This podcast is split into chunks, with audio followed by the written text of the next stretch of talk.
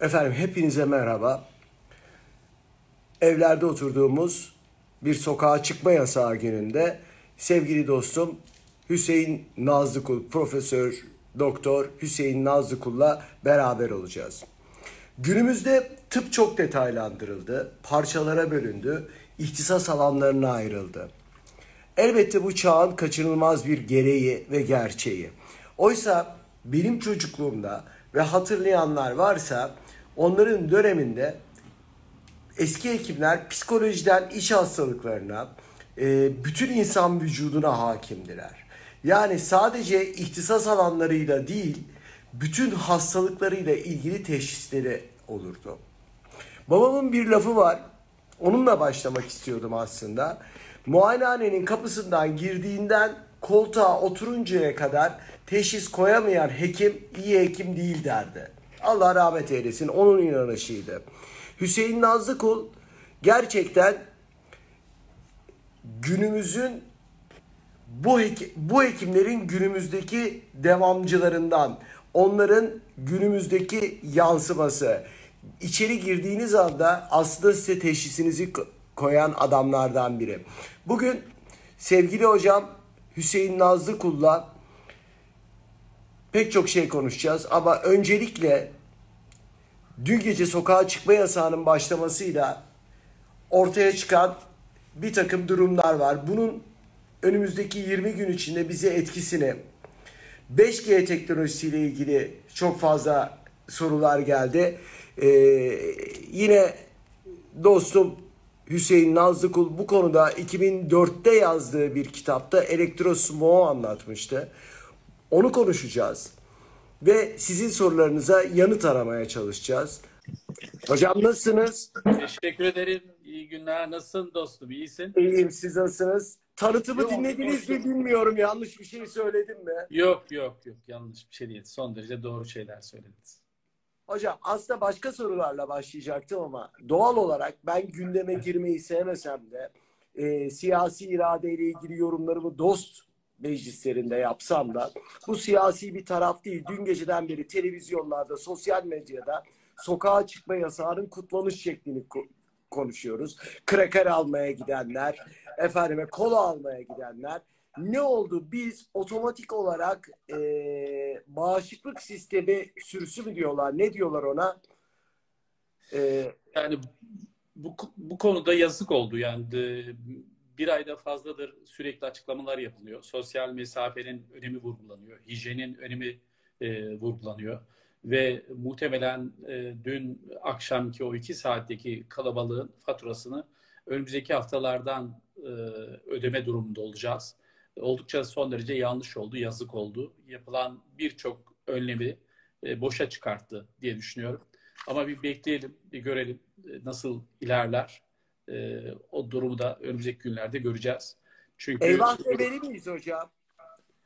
e, alkışlanacak bir durum değil. Üzül, ben üzüldüm gerçekten. Dün akşam o kareleri gördüğümde e, ben bir kitap okuyordum. Sonra arkadaşlardan gelen mesajlar ve sonra eşimin bıraktığı notla beraber ben o e, sokağa çıkma yasağının olduğunu görmüş oldum. Çünkü sosyal medyayı fazla kullanmamaya, televizyonda fazla kullanmıyorum. Daha çok boş vakitlerinde zihnimizi beslemek anlamında kitaplar, kitap okuyorum ve hem bir şeyler yazıyordum okurken sonrasından da öğrendim ama geriye dönüp e, görselleri gördüğümde gerçekten üzüldüm. Çünkü e, bu noktada o kadar kalabalık ortamda eğer birinin kendisine hasta olması gerekmiyor ama e, o virüsü taşıyorsa birçok insana e, bulaştırmıştır ve bu kat sayıda insanlar da kendilerini sağlıklı algıladıkları için gereken önlemi almadıkları için de bunun sorunları olacak. Benim dostane ve doz hekim olarak önerilerde bir tanesi dün e, galyana gelip ve dolayısıyla sanki aç kalınacakmış gibi iki hafta bir şey yemesen bir şey olmaz. Kaldı ki iki hafta boyunca da değil iki günlük bir açlık sağlık e, orucu anlamında bile oldukça faydaları olacaktı. İki günlük bir yasakta bu kadar çıkan bireylerin e, bir biçimiyle toplumsal sorumsuzluklarını yaşadığını düşünüyorum. En az bir 14 gün kendilerini karantinaya almaları e, bir e, telafisi olan bir nokta olabilir orada bulunanların. En azından eğer almışlarsa başkalarına taşımamalar açısından. Bunun sadece pazar gününe kadar değil, bir 14 gün kendilerini karantinaya almaları e, toplumsal anlamda beklediğimiz bir şey olması gereken diye düşünüyorum. Ama e, Hocam psikolojimiz mi bozuldu? İnsan olarak yoksa biz aç gözlü müyüz? e, yani e, aslında abartılı bir şey söylemek istemiyorum ama e, birçok yerde hep şunu söylemişim, söylemişimdir. Bizim toplumumuzun sevgisi de abartılı, üzüntüsü de abartılı, tüm davranışlarımız biraz e, normların dışına kaçıyor. Gereğinde fazla bir e, abartı içindeyiz. Tabii ki e, bir ayda yakındır okullar tatil, çocuklar evde yaklaşık iki hafta, iki üç, üç hafta olacak. 65 yaş üstünün dışarı çıkması yasak. Son bir haftadır 20 yaşın altındakilerinin sokağa çıkması yasak. Ve ister istemez de her gün e, televizyonda, e, sosyal medya ortamında sürekli bir e, pompalanan e, bir bilgi kirliliği ve çünkü o bilginin içinde de kayboluyorsunuz. Ben kendi adıma e, hekim olarak bile e, mümkün mertebe hep şunu öneriyorum. E, günde bir kez 5 dakika belki maksimum bir 10 dakika e, korona COVID-19 ile ilgili güvendiğiniz bir iki kaynaktan sadece bilgi almanız yeterli olacaktır. Ve dolayısıyla günlük yaşamınızı sadece COVID-19 üzerinde inşa etmemek lazım. Devam eden bir hayat var, devam eden bir e, yaşam var, bir sorumluluk var ve bu konuda da biraz e, dikkatli ve sorumluluk almak gerekiyor diye düşünüyorum. Çünkü bu sosyal hayatı beraber paylaşıyorsak, beraber yaşıyorsak karşılıklı yükümlülüklerimiz ve sorumluluklarımız var. Birinin e, yapabileceği en büyük bir davranış hatası birçok insanın sağlığına mal olabilir. Sağlık e, personeli bu konuda son 6 haftadır çoğu kez gün aşırı nöbet tutarak bazıları bir hafta boyunca çocuklarını, evlatlarını bile görmezken sadece iki günlük bir e, sokağa çıkma yasağı karşısında bu kadar saldırmak anlaşılır değil. Anlamıyorum yani. Çok güzel bir e, paylaşım dönüyor sosyal medyada. İsimsiz ama tabii bir e, profesöre ithaf ediyorlar ismini vermeden. E, karları kürekle temizledik üstümüze çığ düştü diye. Evet. E, bu aslında anonim bir söylem. Şimdi bir arkadaşımız yazdı. E, katılıyor musunuz? Gerçekten karları temizlerken üstünüze çığ düştü mü hocam? Şöyle söyleyeyim, bunun çığ olup olmadığını önümüzdeki günlerde göreceğiz ve her halükarda bir kar tanecikleri olmadığı aşikar. Ama çiğ midir? Çünkü çığ düştüğünde çoğu kez e, ciddi bir felaket sonuçları yaratır. Bunu da bundan bir iki ay önce Van'da yaşamıştık. Dolayısıyla çığ e, biraz örnek olarak bana biraz abartılı geliyor ama e, en azından e, gerçekten birçok emeği e, bertaraf eden, boşal, boşluğa çıkartan bir yaklaşım olduğu düşünüyorum. Kaç zamandır e, özellikle akli selim olan hekimler başta olmak üzere ve dolayısıyla hele hele İstanbul için İstanbul Büyükşehir Belediyesi ve ilçe belediye başkanları da İstanbul'daki durumun ve Türkiye'de en yaygın durum olduğu için bir sokağa çıkma yasağının planlanması gerektiğini konuşuyorlardı. E, hatta bunu dillendirenler bir sürü medyada ve basında e, neredeyse hain ilan edildiler. E, çünkü bu ak, akıl varsa, dolayısıyla biraz nizami bakıyorsanız bazı şeyleri net görmeniz gerekir. Bence biraz e, sıkıntılı oldu ama en azından şunu söyleyeyim. Eğer e, bu konuda e, dün e, bir biçimde gallina gelmiş e, dışarı çıkmışsa o insanımızın, o insanlarımızın 14 gün kendini yurt dışında gelmiş gibi karantinaya almaları ve en azından sosyal sorumluluk hissetmelerinin önemli olacağını düşünüyorum. Eğer kat, katıldığımız bu dünkü kalabalıkla beraber orada taşıyıcı haline gelmişsek ve bu taşıyıcılığı başkalarına aktarırsak sıkıntı yaratır ama kendi bünyemizde kendimizi karantinaya al alarak ve dolayısıyla bunu mümkün mertebe e, bir arada tutarsak çok da anlamlı olur diye düşünüyorum. Bu arada ben bir birilerini, birilerini suçlamak, suçlamak ve suçlandırmaktan e, ziyade biraz ortak e, akıl yürütelim. Dolayısıyla bugünlerde özellikle karşı ötekileştirmeden ziyade birleştirici mesajlar vermemiz gerekiyor. Sevgiyi büyütmemiz gerekiyor. Birlikteliği bir, büyütmemiz gerekiyor. Bu e, paylaşımlarda bir sinerji yaratarak bu sistemi hep birlikte geçecek e, günleri e, hızlandırmamız gerekiyor. Dolayısıyla birilerini suçlamak ya da dışlamak anlamında değil. Hocam ben bir başsağlığı mesajı iletmek istiyorum. Bizim mesleğin duayenlerinden Nadir Yerkenci abimiz de bugün hayatını kaybetti e, koronavirüsten. E, lütfen ciddiye alın. Allah rahmet eylesin. Mekanı ce- cennet olsun. Çok sevdiğimiz bir abimizdi. E, hakikaten söyledikleri doğru. Tanıdığını kaybettiğin zaman o yüzdeler çok farklılaşıyor. Birdenbire aa Nadir abiyi kaybettik mi dedim. Hemen yayına ba- bağlanmadan önce oldu. Ee, Allah rahmet eylesin. Bu süre zarfında tüm hayatını yitirenlerin ve özellikle de acılarını bile paylaşamıyorlar. Sevgi paylaşmak da büyür, acı paylaşarak azalır. Ama özellikle e, büyük e, törenler yapılmaksızın insanların acılarını paylaşmaması da bir e, önemli bir durum. O anlamda da e, sadece gazeteci abize değil, bu vesileyle yaşamı yitirmiş olan tüm insanlara ve e, aile yakınlarına sabır diliyoruz. Ve dolayısıyla muhakkak ve muhakkak telafi edilecek bir acılarını yaşanacak daha sonrası günler olabilir.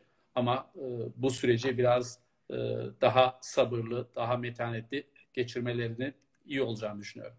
Hocam en çok gelen soru ve sizin branşınızla da çok ilgili. Demin yayına başlarken söyledim.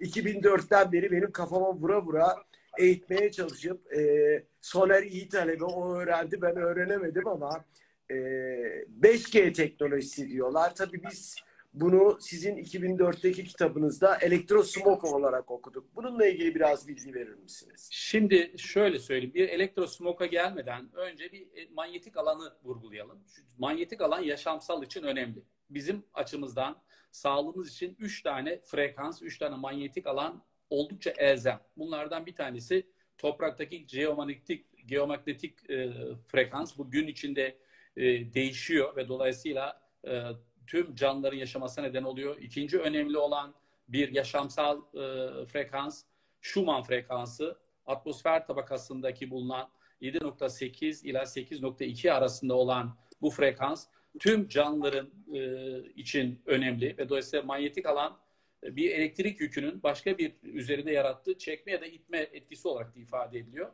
Diğer önemli bir hadise de e, solar enerji dediğimiz güneş ışınlarını atmosfer tabakasını geçerken e, ve tüm ürünleri ortaya çıkartması. Elektrosmog dediğimiz hadise ise e, bundan bağımsız olarak bizim teknik olarak ürettiğimiz ve biyolojik sınırları zorlayan ve beden sağlığını ciddi bir şekilde değişikliklere neden olan bir veri. Dolayısıyla bu üç manyetik e, içerinden çok daha fazla. Dolayısıyla G5 tabii ki ciddi bir sıkıntı ama elektrosmoku algılamadan yani en basitindeki başucumuzdaki bir prizi de sağlığınızı ciddi bir şekilde tehdit ediyor. Buzdolabınızda ciddi bir tehlike, evde bulundurduğunuz mikrodalgalar ciddi bir tehlike. Tabii ki cep telefonları öncesinde G2, G3, G4, 4.5 ve 5 buradaki iletişim ağı, hava elektrik kirlenmenin sayısı arttıkça da ciddi bir sıkıntıya neden oluyor. O anlamda e, özellikle biyolojik e, durumda bizim yaşamsal enerjimizi olumsuz yönde etkileyecek Schumann frekansının e, eksikliği ciddi bir sorun yaratıyor. Peki Schumann frekansı her canlı için elzem olması gereken. Peki buradaki nedir Schumann frekansı hocam? Schumann frekansı özellikle e, 1950 yıllarında Profesör Schumann'ın tespit ettiği tüm atmosfer iyozemik tabakada bir alanın içinde belli bir frekansın olduğunu ve dolayısıyla bunun 7.8 ila 8.2 arasında değişken olduğunu, bunun katmanları olduğunu ve dolayısıyla bunun içinde geçen radyoaktif ışınlar ve diğer yapıların tüm dünya atmosferinin kendi içinde canlılar için elzem olduğunu. Çok ilginçtir. Schumann frekansı 7.8 Hz bizim hipokampus dediğimiz düşünce merkezimiz, entelektüel bir şey üretebilmemiz için hipokampusun nitelikli çalışması lazım. O da 7.8 Hz ile çalışıyor.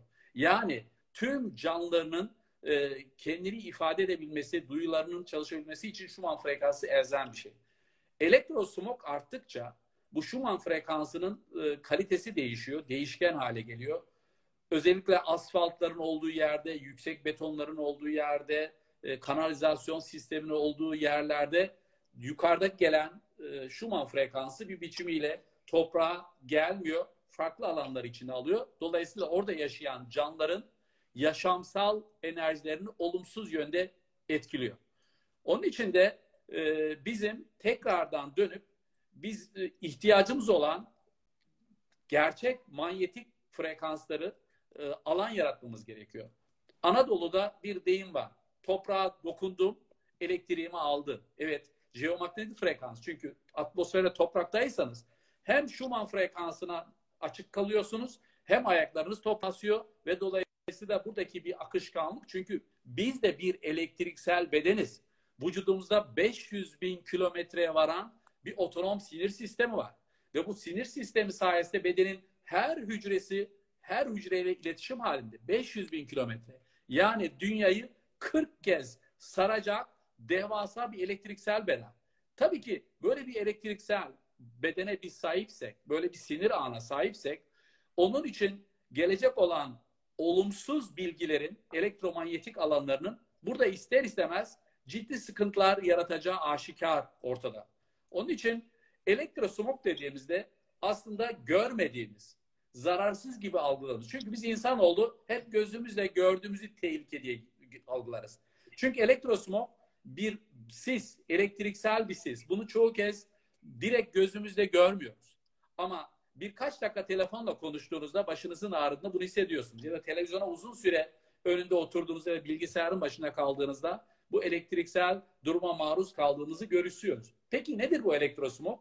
Elektrosmog evdeki prizden, tren raylarının yaratmış olduğu frekanstan, radyo, televizyon vericisinden, evdeki telsiz telefondan, etrafımızdaki vericilerden, antenlerden, uydu yayınlarıyla ilgili olan verilerden tabii ki yüksek frekanslarda olan bir veriyle de G5. G5'i tehlikeli kılan ne?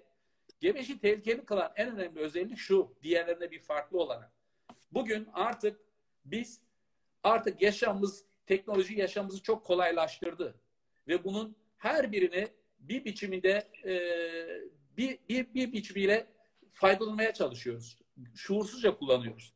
Oysa bir telefon bir mesaj niteliği taşımalı.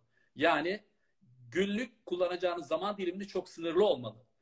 Ratlarda yapılmış olan çalışmalar var. Üstelik bu çalışmalar yeni değil. Sadece telefonu açık tuttuğunuzda kafede bir kafese koyduğunuz ratlarda kemik iliği kanseri meydana getiriyorsunuz. Günde yarım saat maruz bıraktığınızda. Dolayısıyla elektrosmog yeni değil, uzun süredir biliniyor. Hücrelerindeki bir geçirgenliğini arttırıyor. G5'i diğer e, elektrosmoglardan ayırt eden yapı şu. Biz daha önce G3, G, G2, G4'ün daha çok beyin bariyerini, beyni üzerinden etki yaptığını. G5 ise ciltte de emiliyor. Dolayısıyla tüm bedeninizde sıkıntı yaratılabiliyor. Ve bedende emildiği için de bu güvenliymiş gibi algılatıl sanılıyor. Ama buradaki sınırı ne olduğu konusunda daha e, nitelikli bir e, açıklama yok. E, yeteri kadar bilgi yok. Ve bu anlamda da e, çok ciddi yanılgılar söz konusu. Biraz G5'i e, afaroz etmelerinin nedeni de bu tekniğin Çinler tarafından bulunmuş olması. O zaman diğerler hepsi masum. Sadece G5 e, en büyük tehlikedir diye lanse edilmeye çalışıyor. Benim karşı çıktığım nokta bu. G5 tabii ki tehlikeli ama diğerleri masum değil.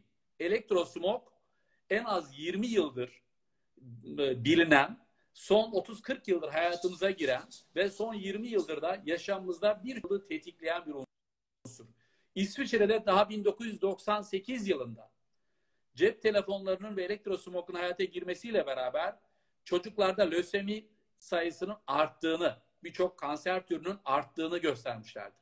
Dolayısıyla sadece tehlike olan G5 değil, tüm elektrosmog, elektrosmog oluşturan tüm spektrumlar insan bedeni için oldukça sıkıntılı ve bu anlamda da bunun ihtiyacından dolayı son 20 yıldır Almanya'da biyolojik e, inşaat mühendisliği diye bir kavram çıktı. Yani yaşadığımız alanları, evlerin e, elektrosmogdan nasıl koruyabiliriz? Hatırlayın eskiden evde kullandığınız kablolar üçlü kabloydu. Üzerinde alüminyum vardı. O en azından onun evet. radyo etrafına vermiş olduğu dalgayı sınırlıyordu. Şu an içinde toprak atı yok. İkili kablolar takıyoruz. Yani vücut düz kablonun bile etrafa yaymış olduğu elektrik kirlenme var. Elektrosmog var. Ciddi bir tehlike. Ve insanlar bir cihazı açık tuttuklarında uzakta standby ile kapatıyorlar. Standby ile kapattığınızda yine ortama elektrosmog veriyor. Ama en tehlikesi nedir elektrosmogun? Elektrosmogun en tehlikeli olduğu kısım yaşlı insanlarda, çocuklarda ve uyku anında uyuyan yatak odanızda ne kadar fazla elektrosmoga maruz kalıyorsanız ciddi bir tehlike altındasınız. Çünkü uyku beden için elzem güçlü güçtür. Bağışıklık sistemi için elzemdir. Burada hemen sorayım hocam. Uykunun özellikle e, diğer hastalıklarla ama korona ile bağlantısını nasıl irdeleyebiliriz? Şimdi e, uy, biz e, aç kalabiliriz. Susuz kalabiliriz. Ama o havasız, nefessiz kalamayız, uykusuz kalamayız. Birkaç gün uykusuz kaldığınız an en basitdeki bir matematik işlemi 2 artı 2'nin 4 olduğunu bile söyleyemezsiniz. Dolayısıyla zihinsel faaliyetleriniz düşer. Uyku bedenin kendini tamir ettiği en önemli yerdir. Dolayısıyla gün içinde maruz kaldığımız hasarların gerek viral gerekse bakteriyel durumunda özellikle uyku esnasında gece manyetik alanın farklılaşmasıyla beraber hücrelerin oksijenlenme alanları artar ve buna bağlı olarak da dokunun kanlanması artar. Kaliteli uyuduğunuz an bedeniniz hipofiz bezinde çok ciddi bir melatonin üretir ve büyüme hormonu üretir. Melatonin bugün kansere karşı bile çözüm olan önemli bir hormon. Bedenimizin kendi ürettiği, vücudun maruz kaldığı birçok e, hastalığı çözebilir. Peki kaliteli uyumanız için neye ihtiyacınız var? Uyku uyku da yani 8 saat 10 saat uyumanız uyudunuz anlamına gelmiyor. Yorgun düştüğünüzde uyuma anlamına gelmiyor. Televizyon başında uyuduğunuzda uyumuş saymıyor, saymıyoruz sizi. Çünkü ortamda ışık varsa gözleriniz kapaklar kapalı olsa dahi ışık aldığı için beyniniz ve hipofiz beziniz melatonin retina e, ışığı aldığı sürece melatonin üretemeyeceksiniz. Üretemeyecek non-REM fazına girmeyecek. Bedenin kendini tedavi etmesi sağlanamayacak. Büyüme hormonu e, ortaya çıkmayacak. Dolayısıyla kaliteli uykun olmazsa olmazı. Karanlık oda, ışık olmayacak. Başınızı koyduğunuz bölgede hiçbir şekilde bir elektrik, elektronik cihaz, priz bile olmaması şartı var. Aslında yatak odasında elektrik, elektrik cihazının olmaması gerekiyor. Onun için de ben bir e, 2013 yıl önce yazmıştım. Uykunun sihirli gücü ve tehlikeli ninni elektrosmog. Uyku kalitesizliği, uyku 70'li yıllarda Almanların binde üçünde sorun iken hayatımızda elektrosmog arttıkça, biyoenformatif bilgileşme, iletişim arttıkça uyku sorunları arttı. Bugün Alman toplumunun neredeyse yüzde otuzunun uyku sorunu var. Peki son 30 yıldır hayatımıza ne girdi? İşte binden üçte yüzde otuza çıktı bu oran. Ve gittikçe de artıyor. Hem kronik hastalıklar ortaya çıkıyor hem de uyku sorunu ortaya çıkıyor. Uykusuz kaldığınız sürece de depresyon, anksiyetenin durumu, bağışıklık sistemi çökerecek. Kronik hastalıklara çok daha kolay yakalanacaksınız. O zaman bir kere yatak odasında hiç herhangi bir elektrik, elektronik cihazı bulundurmayacaksınız. Yatak odasını iyi havalandırmış olacaksınız. İyi karartılmış olacaksınız. Geç saatlerde yemek yemeyeceksiniz. Tok karınla yatağa girmeyeceksiniz. Eğer Kaç saat, saat önce hocam? Efendim? Kaç saat önce? 3-4 saat öncesinden yemekle ilişkinizi tamamen keseceksiniz. Yatağa girdiniz, yarım saatte uyumazsanız kalkın. Dolayısıyla bir meditasyon yapın, doğru nefes alın, alın bir şeyler okuyun ama o hata yapıp da televizyon açmayın. Ya bilgisayar açmayın. Televizyon ve bilgisayarda siz beyninizin alacağından çok daha fazla e, bir e, uyarana maruz kalıyorsunuz. Ve bizim beynimiz de hiçbir zaman yarı dosyayı kabul etmez. Her zaman o bilgi bir yere oturtmaya çalışır, kapatmaya çalışır. Dolayısıyla biraz uykum kaçtı. Şu televizyona bakın, burada uyuyayım. Siz kapattığınızda beyin hala o bilgiyi bir yere oturtmaya çalışacak ve dolayısıyla bir türlü derin uykuya girmeyecek. Onun için kaliteli uyku şurada gördük ki bu kronik hastalıklarda ve özellikle e, kronik hastalığı olan bireylerde kalitesiz uykuyla beraber koronavirüsü çok da agresif e, insanların yaşam fonksiyonlarını olumsuz yönde etkiliyor. Siz çok basitinde korona bağımsız düşünün. En ufak bir üst solunum yolu enfeksiyonu geçirdiğinizde ne oluyor? Sistem sizi yorup uyutmak istiyor. Çünkü uyuyarak bedenin kendini tedavi edebileceğini biliyor. Bu evrim, bu kadim bilgiyi biz 4,5 milyar yıldır evrim sürecinden düzenli alıyoruz. Dolayısıyla sürekli bu bilgi bize ulaşıyor. Ve bizim bu bilginin e, bilmemiz gerekiyor. Yani gidip uyuduğunuz an, iki gün dinlendiğinizde beden kendini zinde hisseder. Doğaya bir bakın. Ev hayvanınız varsa hastalanda önüne yem koyun, yemek koyun yemez. Sadece iki gün dinlenir ve kalkar yürür. Dolayısıyla uyku en büyük iyileştirici güçtür. Ve bunun için de mümkün mertebe midenin dolu olmaması gerekiyor. Yattığınız yerin oksijen kalitesinin iyi olması gerekiyor. Bol su içmeniz gerekiyor. Ve elektrosmog dediğimiz yapıda da uzak duracaksınız. Fast food? Fast food gıdayı zaten Fast foodlardan uzak mı duracağız o zaman akşam? şöyle söyleyelim. Kesinlikle ve kesinlikle e, bizim yememiz gereken veriler mevsimsel meyve ve sebzeyi tüketmek önemli. E, bütüncül bir beslenme önemli. Maalesef son 50 yıldır özellikle diyetisyenlerle e, yanlış bir yöne yönlendiriliyoruz. Üç ana öğün, iki ara öğün gibi sürekli yemekte kalktı yemeğe düşün. Bizim bu kadar yemeğe ihtiyacımız yok. Ebeveynlerimiz atalarımıza baktığımız zaman günde bir öğünle maksimum iki öğünle hayatlarını idame ettiriyorlardı. Dolayısıyla bizim bugünkü kadar büyük kaloriye ihtiyacımız yok. Ve hazır gıda olarak tükettiğiniz fast food'da kalorinin yüksek ama içinde besleyici değeri çok düşük olan mineral açısından fakir, vitamin açısından fakir, eser element açısından fakir ve sindiremediğiniz için omega 6 değeri de çok yüksek olduğu için enflamasyonu tetikliyor. Yani kronik hastalıklara giden süreci başlatıyor. Fast food e, bizim değil soframıza bulunduğumuz mahalleye bile girmemesi gereken bir gıda diye düşünüyorum. Hocam şimdi çinko soruları çok fazla geliyor. Ee, çinkonun vücuda alındığı zaman oradan virüsün gelmeyeceği iddia ediliyor. Çinkonun gerçekten kanıtlanmış bir faydası var mı? Şu, şöyle söyleyeyim. Bugüne kadar gerçek manada COVID-19 korona için söyleyeceğimiz bir ilaç yok. Çinko da bunlardan bir tanesi. Dolayısıyla çink, e, vitamin D bağışıklık sistemi için önemli.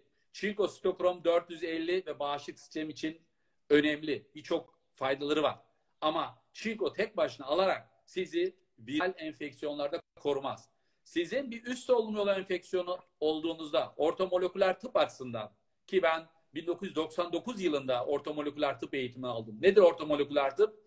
Vitamin, mineral, eser elementlerin e, ilaç yerine büyük dozlarla kullanılarak tedavi edilmesini gerektiren bir hadise. Ve çinkoyu biz üst solunum yolu enfeksiyonu olan bireylerde e, iki saatte bir ortomoleküler tıpça alınarak iyileşme sürecini hızlandırdığını biliyoruz. Ama çinko eşittir gidip viral virüsü öldürmüyor. Çinko bağışıklık sistemimizi güçlendirerek bedenin ona karşı mücadele etmesinde efektif e, sağlıyor. Eğer bir vitamin ya da eser element vurgulanacaksa bugün yüksek dozda vitamin C ki biz e, Al, Alman e, ekolüdür ve vitamin C'nin 7,5 gram ilk formülünü yapan da benim rahmetli hocam Herget'tir. Ta 1978 yılında 7,5 gram 15 gramlık vitamin C protokollerini yapmıştır. 94 yılında asistanlığına başladığımda birçok kronik hastamızda kanser hastasından fibromiyaljiye birçok hastada bizim vitamin C infüzyonları kullanıyorduk. Sadece bir Covid için değil. Yani Türkiye'de vitamin C'nin bilinirliği yeni yeni konuşuluyor ve Türkiye'de de ürünler yok. TÜBİTAK bunu e, üretiyor ve e, bu da ciddi bir artı ve önemli. E, vitamin D çok daha kıymetli. Çünkü kış aylarında yeteri kadar dışarı çıkmıyoruz ve dolayısıyla bedenimiz yeteri kadar e, güneş ışını almadığı için vitamin D üretemiyoruz. Kaldı ki bugün aldığımız güneş ışınıyla 30 yıl önce aldığımız güneş ışını arasında da fark var. Çünkü atmosfer tabakası çok kirlendi. Çevrenin canına okuduk. Evrim sürecinin canına okuduk. Ve dolayısıyla 4,5 milyar yılda bu gezegenin kendine vermediği zararı biz insan eliyle 100-150 yılda verdik. Ve dolayısıyla bugün eğer bir COVID-19 ve bu salgın hastalıkla karşı karşıyaysak burada en önemli faktörlerden bir tanesi ortamdaki hava kirliliği, ağır metallerin fazlalığı, niteliksiz oksijen almayışımız, toprakların fakirleşmesi, yediğimiz gıdaların içinde ihtiyacımız olan eser element, vitamin, mineralleri yeteri kadar almadığımızdan, yediğimiz gıdaların içinde olması gereken vitamin oranları yok. Bir Almanya'da 1968 yılında 2015 yılına kadar patateslerin 100, 100 gram patatesin içindeki e, magnezyum ve vitamin C oranlarına bakmışlar. Binde 3'e inmiş magnezyum oranı. 50 yıl içinde. Çünkü topraklar fakirleşti. Onun için de baktığımız veride ona rağmen onun için hazır gıdadan daha çok mevsimsel yetişen gıda, e, besin, sebzeyi ağırlıklı tükettiğinizde bir anti-enflamasyon beslenme tarzını bir yaşam şekli yaptığınızda tabii ki uykunuza, bedensel aktivite, harekete dikkat ettiğinizde oldukça önemli. Biz bizim kliniğimizde yıllardır gerek nöral terapide vermiş olduğum eğitimlerde bir hastalığı bir mikroba ya da bir bakteriye karşı bir tedaviden ziyade bireyin bağışıklık sistemi nasıl güçlenir? Bağırsak florası niye düzelmeli? Bağ dokusunda birikmiş olan yıkım ürünleri, toksinler, bedeniniz ne kadar kirliyse sizin kolayca hastalanmanız, birçok kronik hastalığa yakalanmanız o kadar kolay. Dolayısıyla şelasyon niye yapılmalı? Doğru nefes tekniğini niye kullanmanız gerekir? Neden uykunuza dikkat etmeniz gerekir? Onun için elektrosmog G5 yeni yeni konuluyor. Glutatyon, vitamin C, D yeni yeni konuşuluyor. Ben 2004 yılında Hayatı Keşfet kitabında e, hem solunum sistemini hem bağışık sistemini orta moleküler tıp anlamında çinkoyu, glutatyonu, elektrosmoku, uyku kalitesinin hepsini burada bir sorumluluk olarak, hekimlik sorumlu olarak yazma ihtiyacı duydum. Çünkü bunları kendimi tatmin etmek için değil. O zaman gülüyorlardı yani, önemli- değil mi hocam?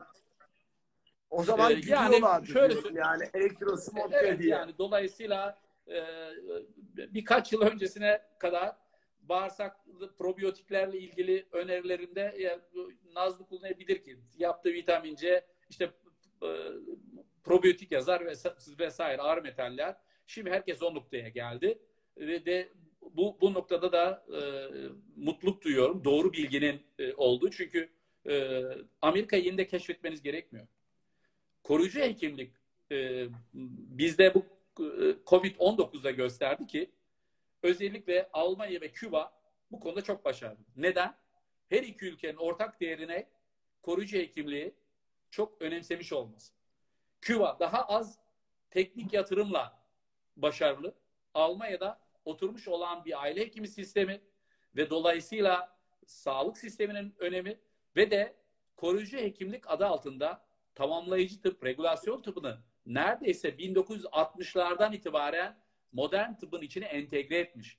Bağırs ba- bağırsakların ikinci beyin olduğu benim rahmetli hocam Herget 1971 yılında yazmış olduğu iki ciltli kitabında bağırsaklar intestinal sistem immün sistem için çok önemli ve kronik hastalıklara giden süreç Alzheimer, Parkinson, MS bağırsak menşelidir demiştir. O zaman gülüyorlar. Ama şu an herkes bağırsak florasının probiyotikleri e, konuşuyor. Bunlar iyi şeyler. Dolayısıyla dünyayı yeniden keşfetmek gerekmiyor. Doğru bilgiyi söylemek lazım. Covid Hayatı yeniden keşfetsek yeter. hayatımıza değer versek, yaşamımızı önemser, ö- ö- önemsersek, sadece hastalandığımızda değil, sadece bir tehlike karşısında adım atacak değil ve dolayısıyla bedenize yatırım yaparsanız önemli. Koruyucu hekimlik olmazsa olmazı. Başlangıçta çok maliyetliymiş gibi görünen ama sizi kronik hastalıklarda koruyan bir durum. Covid-19 bize neyi gösterdi? Bağışıklık sistemi zayıf olan bireyler bu sınavı başaramıyor. Yani öldüren virüs değil.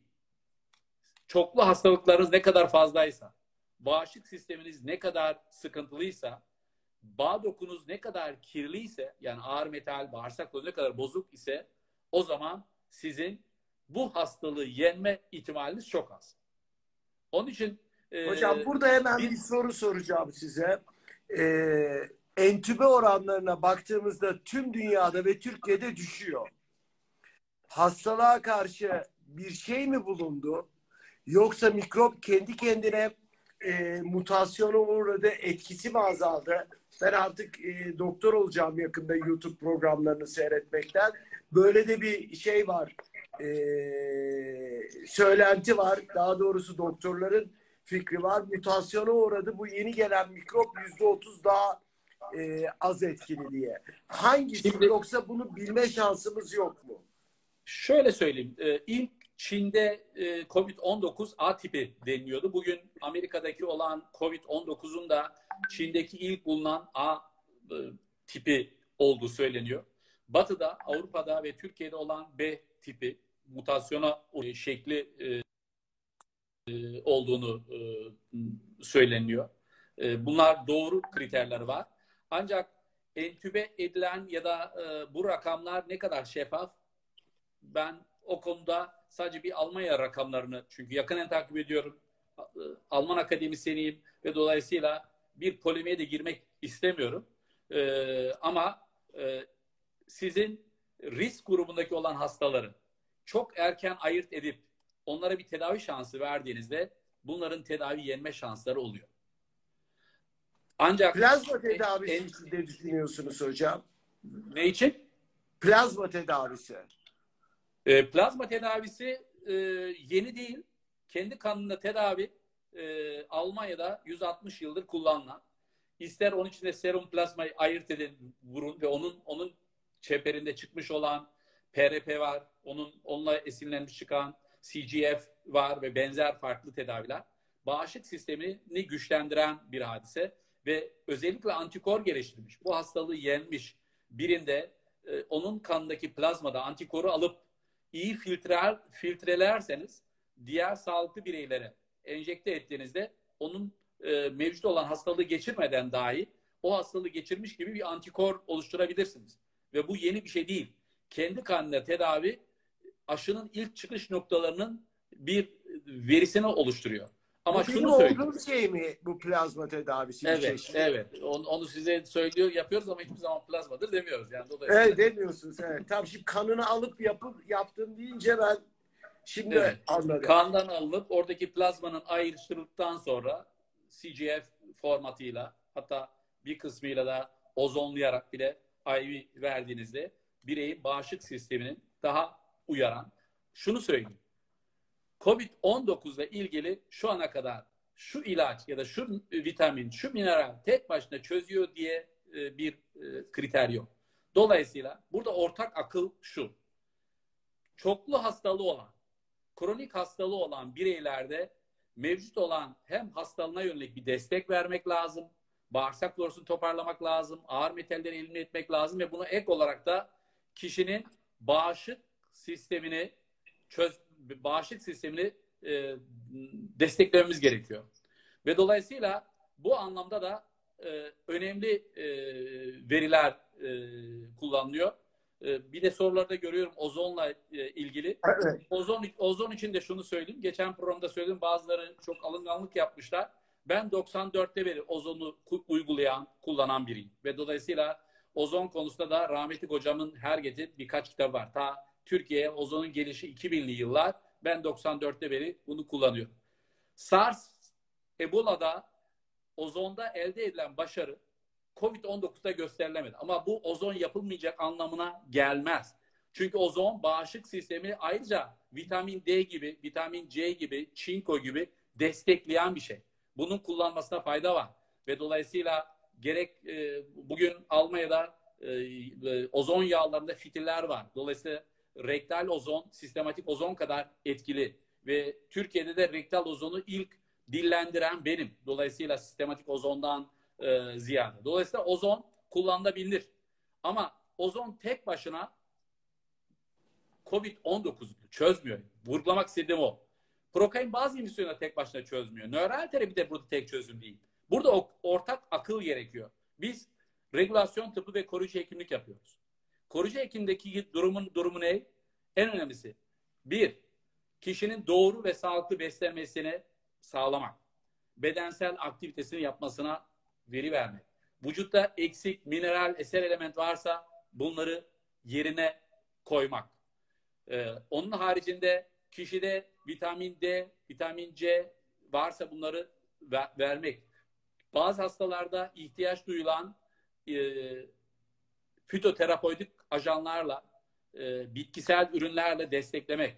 Hatta ve hatta bazı bireylerde homeopatiyi de burada çok rahatlıkla kullanabiliriz. Kişinin ihtiyacı olan bazen Schuster tazları, kişi psikolojik anlamda çok sıkıntılıysa bir antidepresandan ziyade belki bak çiçekleriyle homeopatik yaklaşımla da kişiye katkı sunabilirsin. Dolayısıyla burada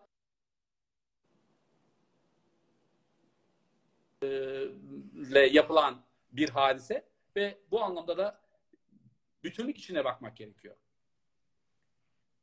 Hocam şimdi e, bir araştırmada gene asıl e, asemptomatik doğru söyledim mi? Evet. E, asemptomatik belirsiz gençler, belirsizlik gösteren gençler ve çok bunların oranı yüzde otuz çok az belirti gösterip ayakta geçirenlerin yüzde elliymiş Avrupa'da. Bu korkunç bir rakam diyorlar. Bizde de aynı şekilde e, semptomları göstermeyen veya ayakta geçirenlerin tehlikesi hala devam ediyor mu? Şunu söyleyeyim. Eğer biz her kış ayı insanlarda gereğinde fazla test yapsak orada da influenza'yı da birçok test edebiliriz. Ve şu an çok fazla test yapıldığı için insanlar o virüste karşılaşıyor. Taşıyıcı hale geliyorlar. Zaten sağlıklı bireylerin yüzde sekseni virüsle karşılaştıklarında onu yeniyor. Herhangi bir bulgu bile vermiyor. Belki hafif bir kırılganlık e, hissediyorlar. Ateşleri bile e, çıkmıyor. Onun için e, siz kitlerle ne kadar fazla test ederseniz o zaman e, bunu geçirmiş olanları antikorununu da tespit edebilirsiniz. E, sayı da net bulabilirsiniz. Bakmadığınız sürece de bulamazsınız. Dolayısıyla bugünkü e, Avrupa'da yüzde elli e, genç insanın bunu taşıdığı noktada ki bilgi test yapıldığı için görülüyor. Ama biz her kış eğer bir influenza döneminde öyle bir influenza A için benzer bir test yapacak olsak o kadar yaygın olmasa da en az da yüzde otuz, yüzde kırkında da benzer sonuçlara varacağız. O zaman burada ki burada yapmamız gereken bir virüste yatıp bir virüste kalkmayacağız. Bedenin, bireyin sağlığıyla ilgili kendisine nasıl bir yatırım yapacağını konuşmamız lazım. Bağışık sistemi nasıl güçlendirmemiz gerektiğini konuşmamız lazım. Anksiyeteyle nasıl mücadele edeceğiz? Bunu konuşmamız lazım. Ve en önemlisi de eğer gerçekten insan sağlığına önem veriliyorsa hava kirliliğinin önüne geçeceksin. Ağır metallerin şuursuzca salınmasının önüne geçeceksin. Ve elektrosmog her yerde elektromanyetik alanların bu kadar şuursuzca akıllı bina adı altında yapılmasını, insanların yürüyecek alanların azaldığı bir ortamı mücadele edeceksin. Yediğimiz gıda, gıda değil. Soluduğumuz hava da nitelikli bir hava değil. Evet. Hava kirliliği var. Yediğimiz gıdanın içeriğiyle oynanmış. Hayvanlara yapılan hormon ve antibiyotin haddi hesabı yok. Deniz ürünü diye alıyorsunuz. Çiftlikte yetişen dünya kadar ilaçlar veriliyor. Onları alıyoruz ve bunların her biri bedenimizde birikiyor, yıkımlanıyor ve kalıyor. Ve bunun sonucunda da beden ister istemez bir enfeksiyonla karşılaştığı zaman daha ağır geçiriyor.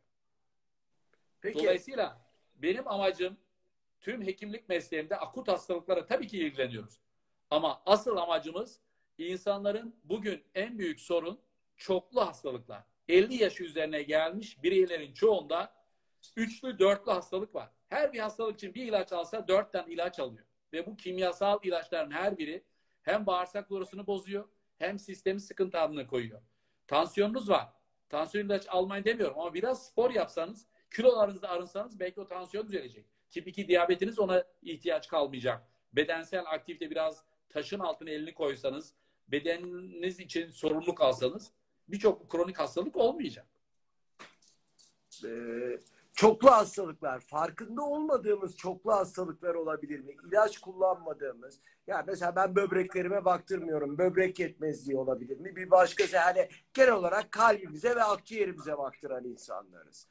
Bilmediğimiz Şöyle- hastalıklar nasıl etkiler? Şöyle söyleyeyim. Ee, Dünya Sağlık Örgütü ve Almanya verilerinde 50 yaş üstünde olan nüfusun %60'ının en az 3 hastalığı var deniyor.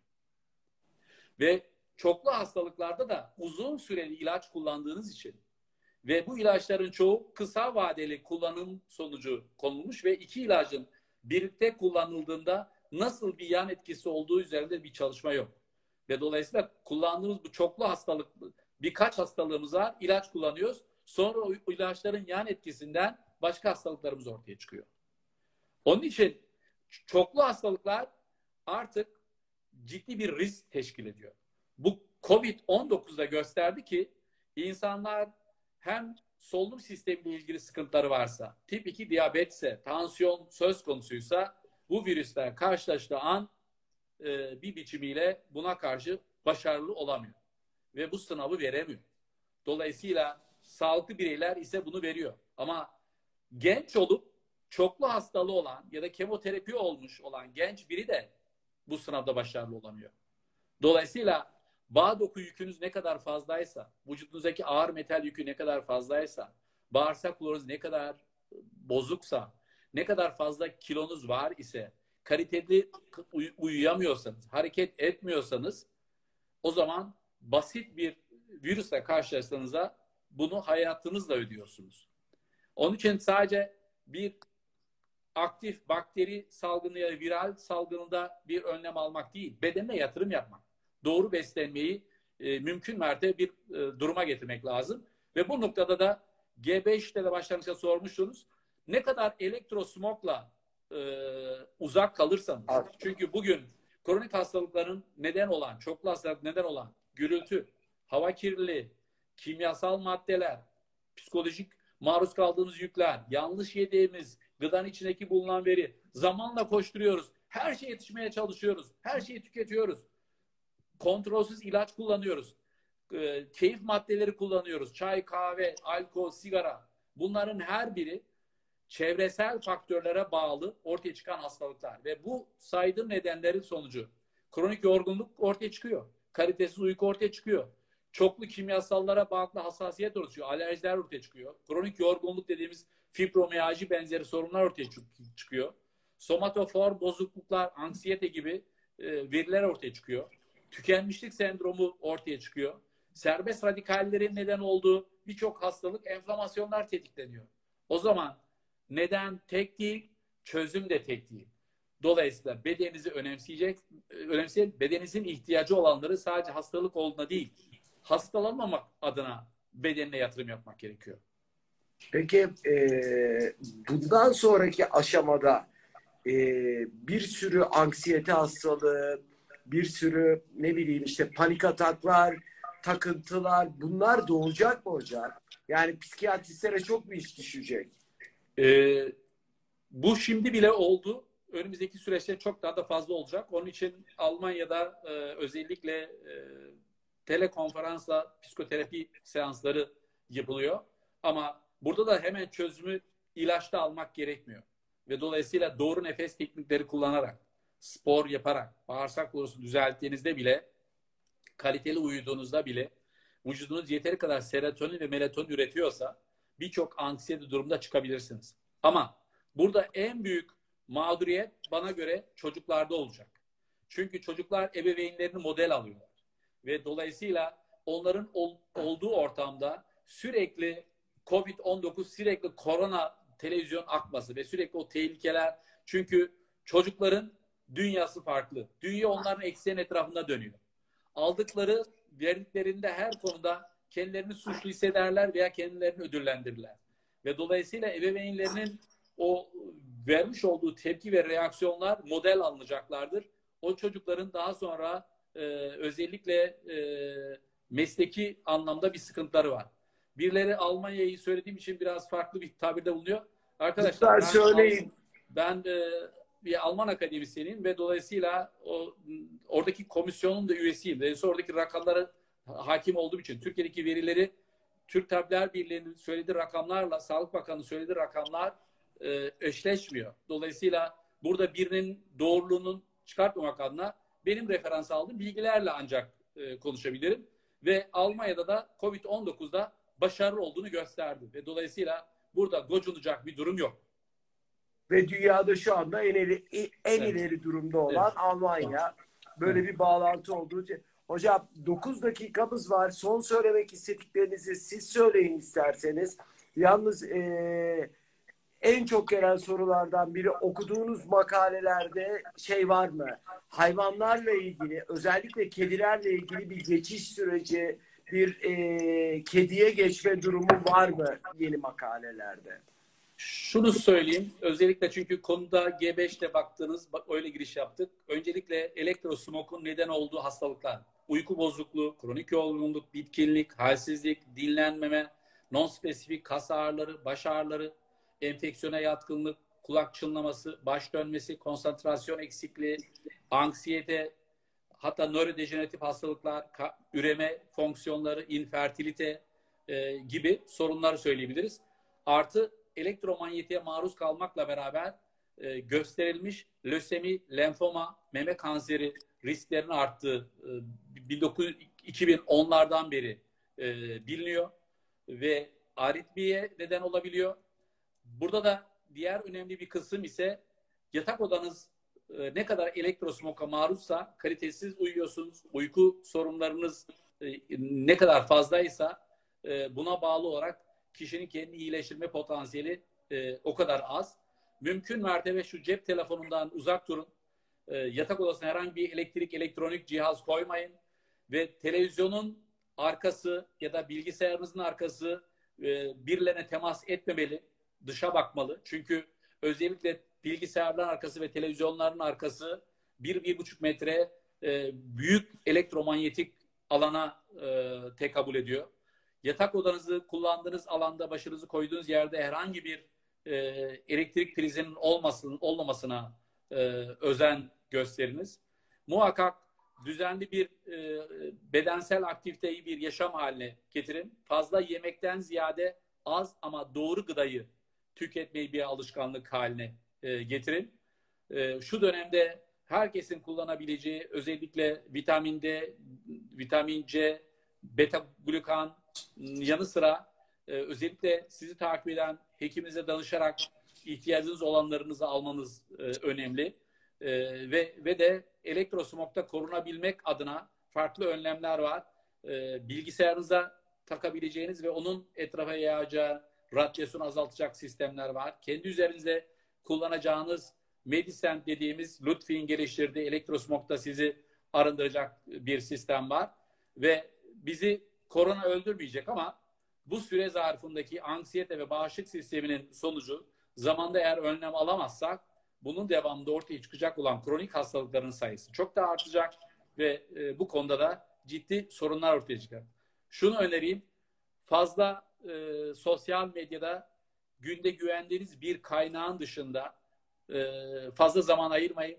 Oturun gerçekten bu zaman dilimini konuşmaya ayıralım. Kitap okuyalım geliştirelim. Kaç zamandır ötelediğimiz bir sürü hobiniz varsa e, bunları birlikte kullanmanız önemli. Eğer kronik yorgunluk hissediyorsanız tabii ki magnezyum ve vitamin B12 de burada e, almakta fayda olabilir ama e, üstün körü değil gerçekten ihtiyaç varsa bunların alınması çok daha önemli olacaktır. Belki akşamları kendinize kaldığınız an yatak odasına gitmeden önce bir beş dakika doğru nefes alarak günün hem dokularınızda birikmiş olan karbon monoksiti ve toksinleri elimine etmek ve aynı zamanda doku oksijenlenmenizi arttırmak önemli olacaktır. Ve bunun için de çok basit e, bir e, durum. Burundan derin nefes alın, tutabildiğiniz kadar tutun. Yavaşça ağızda verin. Aldığınız zaman diliminin iki katını tutun o nefesi, e, iki katını da verin. Ve dolayısıyla bunu başlangıçta 2 saniyeyle başlayın. 2 saniye al, 4 saniye tut, 8 saniyede ver. Hedef 8 saniyede almak, 16 saniyede tutmak. Yarım dakika verebiliyorsanız ve bunu günde bir kez bile 5 dakika yapabiliyorsanız bedeninize büyük bir yatırım yapmış olursunuz. Hem dokunuza yeteri kadar oksijen taşımış olursunuz hem de toraks bölgesindeki lenfe drenaj yapmış olursunuz. Diğer önemli bir hadise bol su içmeyi de ihmal etmeyin. Ve dolayısıyla Hocam iki tane soru var. Teşekkür edeceğim. Kesilirse bir şey diyemiyorum. Gümüş suyunu soruyorlar. Gümüşü soruyorlar. Böyle bir şey var mı? Kolidüel gümüş dediğimiz e, özellikle e, onun sadece gümüş değil, altında, platinumda bağışıklık sistemi güçlendiren bir özellikleri var. Nörolojik hastalıklarda ciddi katkı sunuyor ama başta da söyledin. Bugün elimizde tek bir ürün şu korona, covid-19 öldürüyor diye bir veri değil. Yok. Ama e, koloidal gümüş suyunun bir sürü faydaları var. Dolayısıyla e, elektrosmokta da koruyan bir özelliği var. Ama kısmen. doktora sormamız gerekiyor mu? Direkt eczaneden alabilir miyiz? E, Türkiye'de yeni yeni bazı ürünler var. Bir de bildiğim kadarıyla Yalova'da da bunu yapan bir akademisyen de var. Dolayısıyla internete girdikleri zaman ulaşabilirler diye düşünüyorum. Peki hocam Alabilir. haftaya müsait olursanız gene buluşalım. Lütfen. Me- çok memnuniyetle. teşekkür ediyorlar. Memnuniyetle Ee, tabii ki. Tabii ki Çok dostum. mersi. Hadi Görüşürüz. görüşürüz. Sağ olun. Çok iyi bakın. Sağ olun. Bay bay.